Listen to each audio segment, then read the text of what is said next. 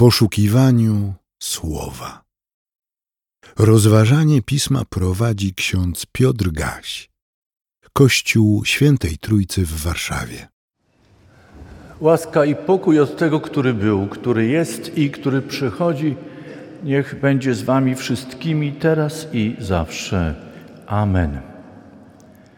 W księdze Izajasza w 62 rozdziale od pierwszego wersetu czytamy: Ze względu na Syjon nie umilknę, ze względu na Jerozolimę nie spocznę, aż jej sprawiedliwość nie wzejdzie jak zorza, a jej zbawienie nie zapłonie jak pochodnia.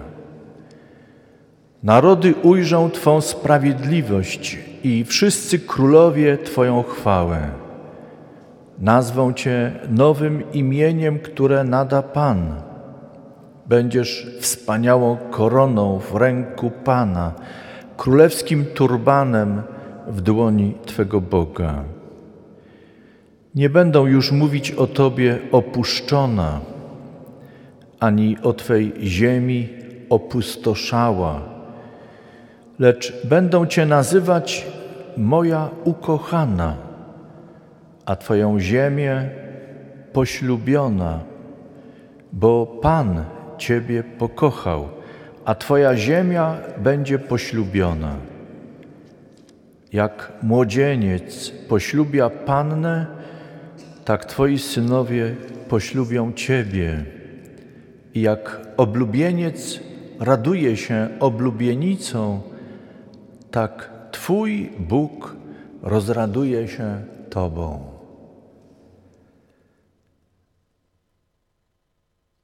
To Twoje słowo, Panie, które głosisz przez proroka. Pomóż nam w Duchu Twoim Świętym odnaleźć to, co chcesz dziś położyć nam na naszych sercach, zasiać w naszym życiu jako ziarno dobre Twego słowa by wzrastało i przynosiło obfity owoc w naszym życiu. Prowadź nas w duchu Twoim. Prosimy Cię o to, Panie, przez Chrystusa, Syna Twego, który z Tobą i z Duchem Świętym po wszystkie wieki żyje i króluje. Amen.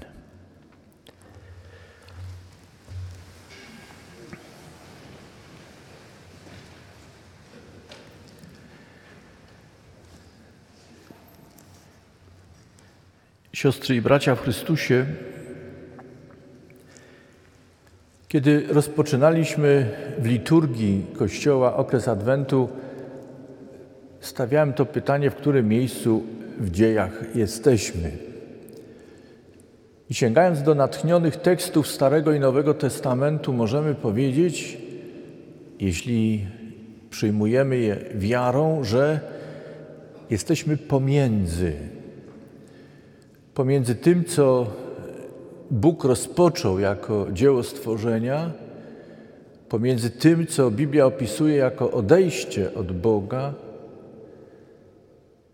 pomiędzy tym, co będziemy wspominali w święta Narodzenia Pańskiego, co jest przyjściem Mesjasza na świat, a tym, co jest przed nami, co Biblia nazywa używając greckiego słowa paruzja, to znaczy przyjście powtórne Zbawiciela świata, sędziego, króla narodów, króla wszechświata, przyjście w chwale, które zwieńczy dzieje i będzie ważną cezurą zamykającą znany nam świat. I będzie to przyjście otwierające też także też to, co jest przed nami, co jest wiecznym panowaniem Boga. Jesteśmy pomiędzy.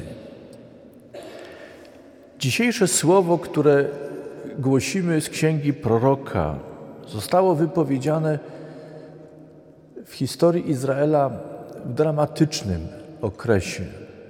Był to czas, przypomnę, kiedy lud za zgodą perskiego króla Cyrusa powracał do Judei, do swojej ziemi. I wracał do swojego miasta, symbolu centrum politycznego i religijnego, którym była Jerozolima. Wracali. Wracali po okresie niewoli. Ale wracali do kraju wyniszczonego, spustoszonego. Kraju, w którym niejednokrotnie w miejscach znanych sobie spotykali kogoś innego, kogoś, kto był dla nich obcy. Wchodzili do miasta, które było uosobieniem, ucieleśnieniem wszelkich obietnic, które Bóg dał swego czasu ich praojcom. Tam przeżywali w świątyni swoje najlepsze, ale też najtrudniejsze chwile. Ale było to miejsce spustoszone.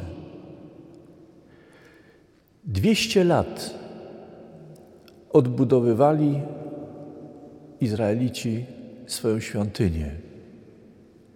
Przez sto lat odbudowywali mury swojego miasta.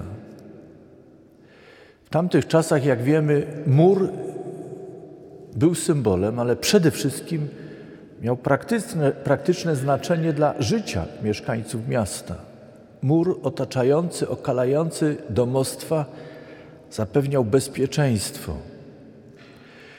Był to czas niespokojny, kiedy Izrael miał wielu przeciwników. Uchodźcy z niewoli, wszyscy wracali głodni, a nie było bezpiecznych murów, które mogłyby ich chronić, także ich dobytek wytwarzany przez dziesięciolecia, w sumie przez sto lat odległy czas. Można zapytać, cóż ma ta sytuacja wspólnego z naszym czasem, Polską, Warszawą, XXI wiekiem, 24 grudnia roku pańskiego 2023. Cóż ma wspólnego? Siostry i bracia, w historycznym wymiarze wspólne jest to, że w słowach usłyszanych, a skierowanych historycznie w określonym czasie do Judejczyków i do Izraela, to słowo zapowiadało przyjście ratunku Bożego, który ocali lud i zapewni nowy czas. Czekali 200 lat, licząc odbudowę świątyni. Czekali 100 lat na bezpieczny czas, pracując własnymi rękami, ale wiemy z późniejszych wydarzeń, że ta obietnica oczekiwana, aż się spełni, była różnie postrzegana. Chrystus, który przyszedł na przełomie epok starej i nowej ery, wedle wierzeń części był spełnieniem się obietnicy ratunku, który Bóg miał dać swemu ludowi. Inni wątpili, wręcz odrzucili ten ratunek dany przez Boga. Dlaczego? Całe książki na ten temat pisano i pewnie będzie się pisać ale być może w pewnym upreszczeniu, z drugiej strony nie bez racji uchwycenia sedna. Ten, który przyszedł, był inny od tego, którego sobie wyobrażano. Działał inaczej niż sądzono. Lud w każdym czasie zawsze ma inne wyobrażenie ratunku Bożego, niż on czasem przychodzi. Wydaje nam się, że Bóg zawodzi. To jest wspólne. Nas i tamtych ludzi. Wszystkich nas poprzedzających. Stale nam się wydaje, że Bóg jest inny i Bóg działa inaczej niż powinien. Ślady tego znajdujemy w samych tekstach natchnionych, kiedy w różnych momentach prorocy pytają a Jezus to potem też i komentuje i konkretyzuje, czytamy, że człowiek staje czasem jakby nad Bogiem i próbuje komentować Jego działanie, Jego obecność w tym świecie. Próbuje Boga pouczać, pisać scenariusze dla świata, dla siebie, dla Boga. I oczekuje człowiek, że Bóg będzie te scenariusze realizował. Tak się działo i dzieje się. W najbardziej dramatycznych okresach historii pamiętamy, że zwaśnione strony nieraz stają naprzeciw siebie i każda z nich prosi i woła: Bóg po naszej stronie. Bóg podziela nasz pogląd. Bóg z nami. Jakże ekstremalnie było to dostrzegane, kiedy żołnierze pruscy, a potem żołnierze Wehrmachtu na klamrach swoich żołnierskich pasów nosili napis, pamiętacie? Bóg z nami, Gott mit uns. Pamiętacie skąd pochodzą te słowa? Nie wymyślił ich żaden generał, żaden polityk. To są słowa, które znajdujemy w księdze Starego Testamentu, zacytowane potem przez ewangelistę Mateusza w historii narodzenia Pana. To czyni człowiek w każdym narodzie. Każdy naród w tym świecie, żyjąc, usiłuje przekonać siebie i wszystkich wokół, Bóg jest po naszej stronie, z nami. A wszystko to ma niejednokrotnie usprawiedliwić okrutne i straszne czyny, których człowiek dokonuje, odchodząc od Boga. Siostry bracia, jesteśmy pomiędzy. Pomiędzy tym, co nie tylko stało się wymiarze historycznym, ale jesteśmy także pomiędzy tym, co dotyczy naszego osobistego życia. Oby nikt z nas dzisiaj nie stanął w tym miejscu, przekonując Boga, musisz być ze mną. Racja jest po mojej stronie. Pobłogosław temu, co ja widzę za dobre i potrzebne światu, w tym mnie, mojej rodzinie. Musisz stanąć pomiędzy. A najlepiej, żebyś jeszcze dał znak, który przekona wszystkich, że Bóg jest ze mną.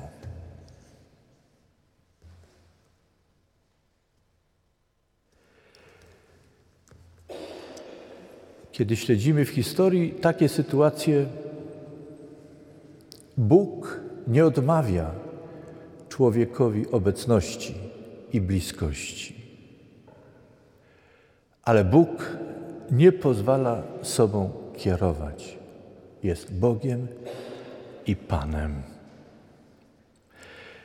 Izrael boleśnie o tym się przekonał. Bóg nie pozwolił potomkom Abrahama, Izaka, Jakuba manipulować sobą. Wygnanie, niewola, którą przeżywali, to był skutek nieposłuszeństwa wobec Boga. Nie wolno nam śmiać się z Izraela. Nie wolno nam potępiać Izraela z powodu jego grzechów. Stoi Izrael przed Bożym sądem i Bóg sądzi Izrael. Ten naród na oczach całego świata jest znakiem Bożym dla nas i wezwaniem, byśmy nie popełniali błędów Izraela, ale żyjąc z Bogiem i dla Boga, byli posłuszni i ufni. I tego też możemy uczyć się od Izraela ufności i wiary. Siostry i bracia, dzisiaj łączy nas z tamtą sytuacją to, że wszyscy stajemy przed pytaniem, czy zaufamy i zawierzymy Bogu. I w tym czasie pomiędzy, kiedy oczekujemy na to najważniejsze, największe wydarzenie przyjścia Chrystusa w chwale, będziemy, ufając Bogu, podejmowali nasze codzienne wyzwania i zadania i w ufności wierze wypełniali je. Pozwólcie, że jeszcze raz wrócę do historii. Tej historii, w której to słowo proroka z księgi Izajasza zostało wypowiedziane. Dwieście lat pracowali, by odbudować świątynię. Sto lat, by odbudować mury. Na nowo musieli uczyć się słowa Boga, wskazań Bożych. Zapomnieli o tym w okresie niewoli. A w okresie, kiedy wrócili i musieli odbudować wszystko od podstaw, wielu z nich traciło ufność i wiarę. Potrzebowali czasu, żeby odbudować nie tylko mury, ale także siebie w swoim wierzeniu, swojej duchowości, uleczyć swoje emocje. Potrzebowali czasu. Z czym dzisiaj stajemy przed Bogiem? Co odbudowujemy?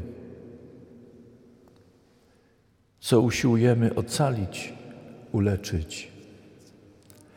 Co jest przed nami? Z czym musimy się zmierzyć, by budować, tworzyć w tym świecie?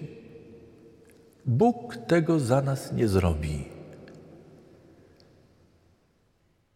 Nie zrobi? Nie.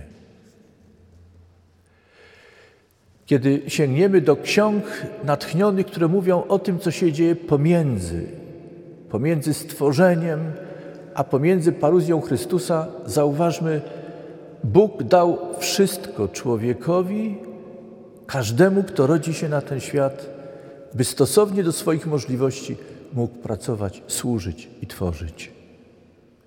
Bóg przygotował nam miejsce na tej ziemi i wolno nam wejść w ten świat i wolno nam służyć Bogu, sobie samym, drugiemu człowiekowi. Wedle przykazania miłuj Boga z całego serca, myśli, duszy, siły swojej i bliźniego swego jak siebie samego.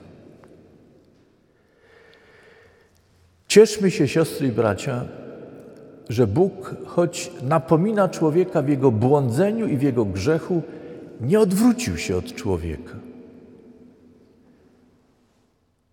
Nie unicestwia człowieka. Nie pozbawia go jego twórczych zdolności i możliwości.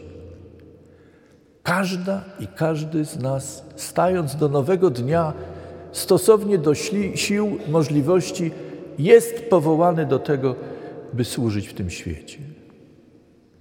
Cieszcie się z dzisiejszego dnia. Tę myśl, którą powiedziałem przed chwilą, w różnych słowach powtarzam od jakiegoś czasu, bo chcę, żebyśmy dobrze zapamiętali. Chcę, żebyśmy nie rezygnowali z tych szans i możliwości obecności w tym świecie, tworzenia i pracy, które Bóg nam daje wraz z darem życia, sił i możliwości. Wypełniajmy naszą powinność. A Chrystus, który przyszedł na ten świat, niezależnie czy wierzymy w Niego, czy nie wierzymy, Chrystus, który przyszedł na ten świat, staje się murem obronnym lepszym niż mury Jerozolimy, niż jakiekolwiek mury. Chrystus, który przyszedł na ten świat, nie potrzebuje już świątyni jerozolimskiej. Jak czytamy w liście do Hebrajczyków, On, Syn Boży, wstąpił do niebiosa, nie z krwią ofiary, koźlęcia czy baranka, ale z własną krwią do niebiańskiej świątyni, której ziemska świątynia w Jerozolimie była zaledwie odbiciem. Chrystus wstąpił na niebiosa, aby nas pojednać z Ojcem Niebiańskim. Wytyczył też drogę, którą mamy pójść, idąc za Nim. Idąc więc do niebiańskiej krainy, idziemy do nowego miasta, Jeruzalem, jak mówią teksty natchnione. Idziemy do ziemi, którą Bóg nam przygotował. Nikt z nas już nie powinien mówić, że jest porzucony i opuszczony. To, co nas łączy z tamtym ludem, to jest wezwanie i wyzwanie, byśmy zawierzyli Bogu i wypełniając swoje codzienne powinności i powołanie, byli pewni, Bóg jest z nami. Chodzi teraz o to, byśmy stanęli tam, gdzie On jest, po Jego stronie. Nie przekonywali w nieskończoność, że musi być po naszej stronie, tam, gdzie my chcemy. Mamy stanąć tam, gdzie jest On. Jeśli to się stanie, a powinno się stać, na wzór Marii, o której dzisiaj czytamy, na wzór Elżbiety, o której dzisiaj słyszamy, służebnic Pana, które w całej swojej ufności zawierzyły Bogu i poszły drogą, którą Bóg im wytyczył, choć było to takie trudne. One zawierzyły. Tego Bóg oczekuje od nas i w tym powinniśmy naśladować zarówno Elżbietę, jak i matkę naszego Pana Marię. Pamiętajmy, proszę, pamiętajmy, Maria jest jedną z najpiękniejszych postaci Pisma Świętego. Nie odrzucajmy w swoim myśleniu tej postaci.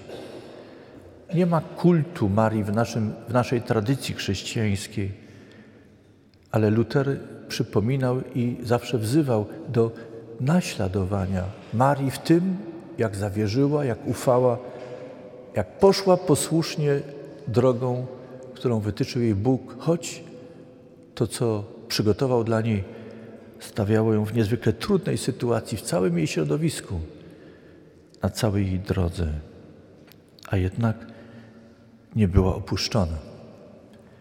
Była błogosławiona i ocalona przez Boga w różnych sytuacjach. Bądźmy więc ufni. Możemy spełnić wtedy to wezwanie apostoła: radujcie się, radujcie się zawsze. Zawsze? Zawsze. Jeśli Bóg za nami, któż przeciwko nam? Pod jednym warunkiem, powtórzę jeszcze raz, że zawsze staniemy tam, gdzie jest Bóg, idąc za Chrystusem. Amen. Przyjmijcie życzenie pokoju.